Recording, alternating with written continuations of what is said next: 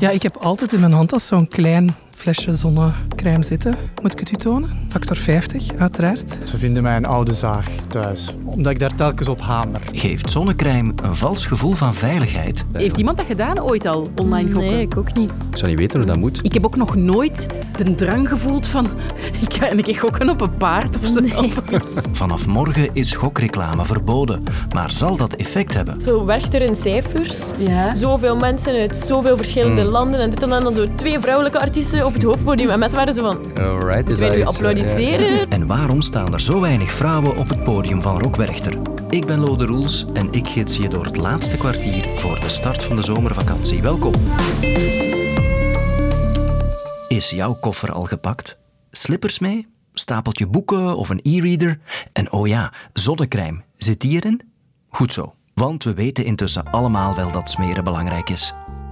Bescherming tegen de zon, ouderdomsvlekjes, huidkanker. Winter en zomer, factor 50 op mijn gezicht. Vroeger ging ik altijd op vakantie naar Zuid-Frankrijk en die vrouwen zijn zo helemaal leerachtig. En dan denk ik, nee, dat wil ik niet. Ik ben daar ehm, meticuleus in en categoriek ook naar mijn kinderen toe. Het is altijd voer voor discussie. Ja. De veroudering tegengaan, maar vooral eh, om gezondheidsredenen. Ik smeer heel veel, heel vaak. En ik merk dat dat bij sommige mensen niet in goede aarde valt. Dat kost tijd, hè, smeren, als je ergens naartoe gaat. Niet iedereen heeft daar geduld voor. Om de twee uur factor 50. Dat ga ik nooit overslaan. Omdat ik geen huidkanker wil, daarom. Geen huidkanker krijgen. Die bezorgdheid dringt de laatste jaren bij steeds meer mensen door. Want de ziekte is in opmars. Elk jaar krijgen tienduizenden Belgen de diagnose.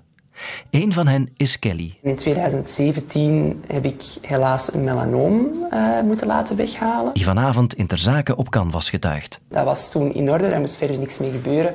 Maar dan in 2021 heb ik helaas een eh, knobbeltje ontdekt aan mijn oor en dat bleken dan toch uitzaaiingen te zijn van dat melanoom.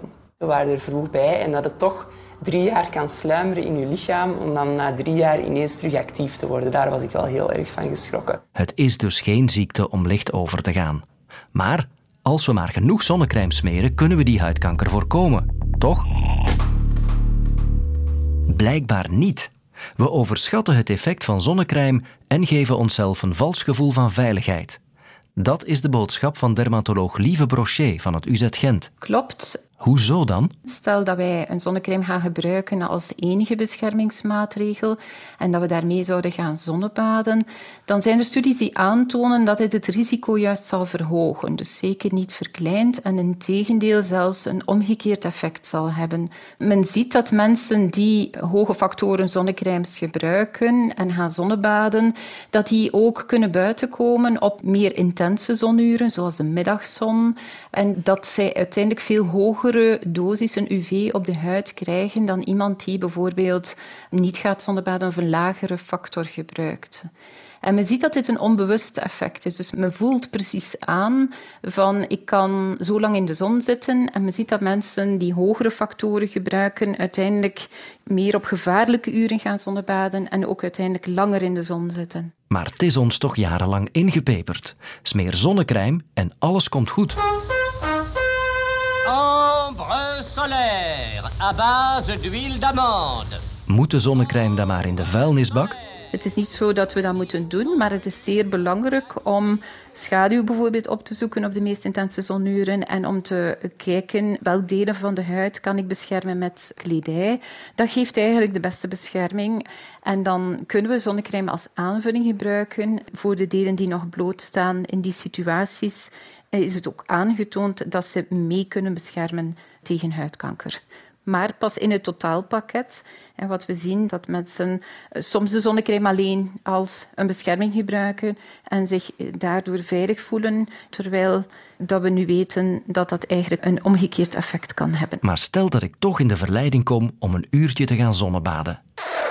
Heeft Lieve dan tips om zonnecrème op een goede manier te gebruiken?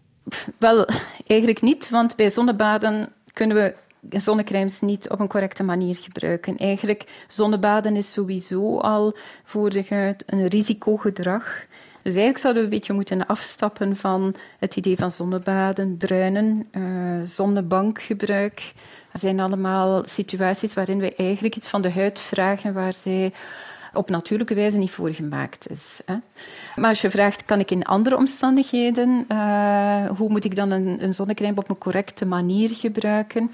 We gaan dan adviseren dat mensen een factor 30 à 50 gebruiken. Dat is de categorie hoge protectie dat er ook een UVA-label staat op de zonnecrème. Belangrijk is ook dat je een voldoende dikke laag smeert. Ik zeg altijd aan mensen, kies een product dat je graag gebruikt, omdat je dan ook geneigd zal zijn om het meer te gebruiken en voldoende te gebruiken. En eigenlijk gaan we zeggen dat het na twee uur het smeren zou moeten herhaald worden. En zeker al als we in water geweest zijn, dat we direct daarna de huid drogen en opnieuw zonnecrème aanbrengen. Morgen, 1 juli, is niet alleen de start van de zomervakantie. Op de eerste dag van een nieuwe maand veranderen er ook steeds weer een aantal dingen. Zo zal je dit bijvoorbeeld niet meer horen. Napoleon, always in for a thrill. Elke dag een nieuwe spannende promo. Ben jij de volgende winnaar? Napoleon Sports Casino. Gokreclame op radio, televisie en in bioscoopzalen wordt namelijk verboden. Ook op alle online platformen en in kranten en tijdschriften mag het niet meer. Als zij spelen, speel jij. Wed live op ladbrokes.be. Gok met mate. Binnen anderhalf jaar wordt alle gokreclame ook uit de stadions gebannen. En over ruim vijf jaar is het ook afgelopen met sponsoring op shirts. Maar zal dit wat veranderen? Welk effect zal het verdwijnen van gokreclame hebben? Frida Matthijs is professor psychiatrie en verslavingsexperte. Hallo, ik ben er. We verwachten zeker uh, dat daar een effect zal zijn, maar waarschijnlijk maar zichtbaar op langere termijn. Uiteindelijk is het zo dat reclame nieuwe spelers naar het gokken lokt. Maar eens men aan het gokken is, en zeker wanneer men er uh, wat aan verslaafd is, gaat men niet stoppen omdat de reclame er niet meer is. Is er internationaal onderzoek over de impact van reclame eigenlijk op gokgedrag? Ja, dat is er. En er is een rechtstreeks verband aangetoond tussen uh, gokreclame en het aantal mensen dat uh, gaat gokken. En ook het uh, verband met het aantal mensen dat problemen krijgt door het gokken. Dat hebben we gezien bij de sport, bij de WK en het EK uh, in 2018 en in 2021 is er ineens een massale toename van het aantal mensen, vaak jonge mensen, wat toch een kwetsbaardere groep is, die gaan gokken. Wat ook belangrijk is om ons te realiseren dat gokreclame eigenlijk nog niet lang bestaat. Voor 2010 was het niet toegelaten. Men mocht niet aanzetten tot gokken. En dan is er in 2009 een nieuwe wet gekomen die de regels veranderd heeft, uh, waardoor het wel mocht, ook voor online kan spelen. En sindsdien hebben we eigenlijk gezien dat er een enorme toename is van gokken. Ook um, gokken is genormaliseerd, noemen we dat. Vroeger was gokken zoiets uh, wat toch een beetje een duistere kant had.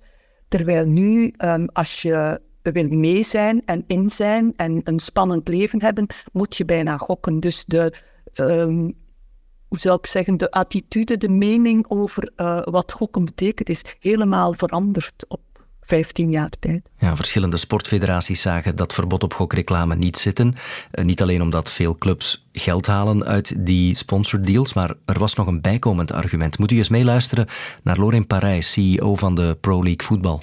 Onze vrees is dat je er hiervoor gaat zorgen dat je uh, meer mensen op illegale goksites gaat laten gokken. En daar gelden geen beperkingen van bedrag dat je inzet of uh, veel na elkaar gokken of um, toeleiding naar de SOS-spelen, hulplijn enzovoort. Dan kom je in een irregulier uh, circuit en daarmee is die problematische gokker nog veel slechter af.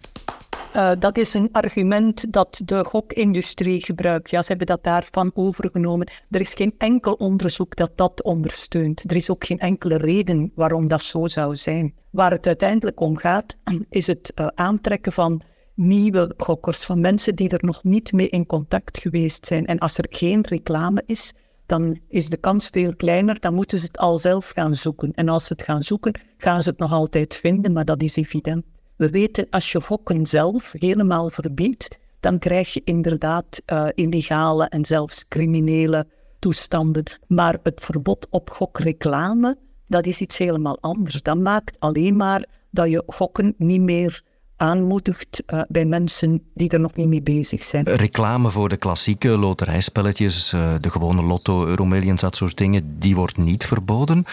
Daar wordt er gezegd, ja, dat is minder verslavend dan gokspelletjes, klopt dat? Niet allemaal. Um, we weten dat de online spelen uh, van de Nationale Loterij eigenlijk dezelfde eigenschappen hebben als de online spelen van de andere aanbieders. Dus ik denk dat daar nog verder overleg zal nodig zijn om het onderscheid te maken van wat wel en wat niet veilig is.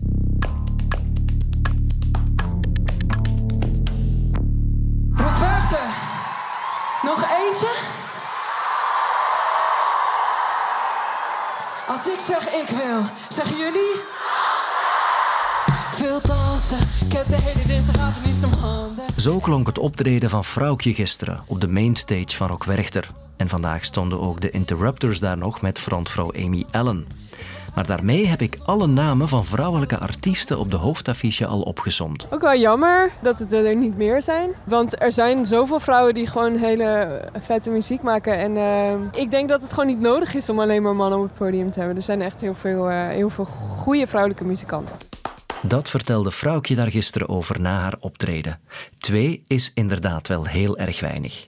En ook als je alle andere podia meerekent, is slechts 30% van de artiesten op de affiche een vrouw. Ook op andere festivals zie je overigens vaker een overwegend mannelijke line-up. Hoe komt dat toch? Hallo. Ineke Daans werkt al de helft van haar leven bij platenmaatschappij Pias in Brussel. En na al die jaren in de muziekwereld kent ze dat onevenwicht maar al te goed. Ik denk dat het sowieso een streven moet zijn om een, goede balans te krijgen voor elk festival. En ik zeg dat er toch even graag bij, want ik denk dat er meer genregerichte festivals nog een veel groter probleem hebben. Als we kunnen kijken naar de metalfestivals of hip-hop, dan moeten we ook gewoon uitspreken dat dat een veel, veel, veel groter probleem is uh, wat betreft vrouwelijke representatie. Maar ik denk dat het ook allemaal... Het, het, het is iets gecompliceerder dan, dan gewoon het tellen van, zal ik maar zeggen, de, de vrouwen op de mainstage. Ik weet heel goed vanwege het werk dat ik doe wat er vaak op de wishlist staat en wanneer je begint te boeken en waar je dan uiteindelijk uitkomt en dat er eh, honderden factoren van afhangen wat betreft toeren en financiën en zo verder. Nu, ik denk wel dat er een heel groot issue is met de artiesten die wat later op de avond spelen en dan misschien op de mainstage. Ik denk dat daar zeker een gemis is. Ik denk dat er inderdaad nog een probleem is met een doorstroom naar dat niveau van vrouwelijke artiesten. En dat gaat dan eigenlijk heel veel breder maatschappelijk, vind ik. Want dan kan je teruggaan naar van, horen we ze genoeg op de radio? En wie zit er in die playlistmeeting? En dan kan je nog verder doortrekken en zeggen van...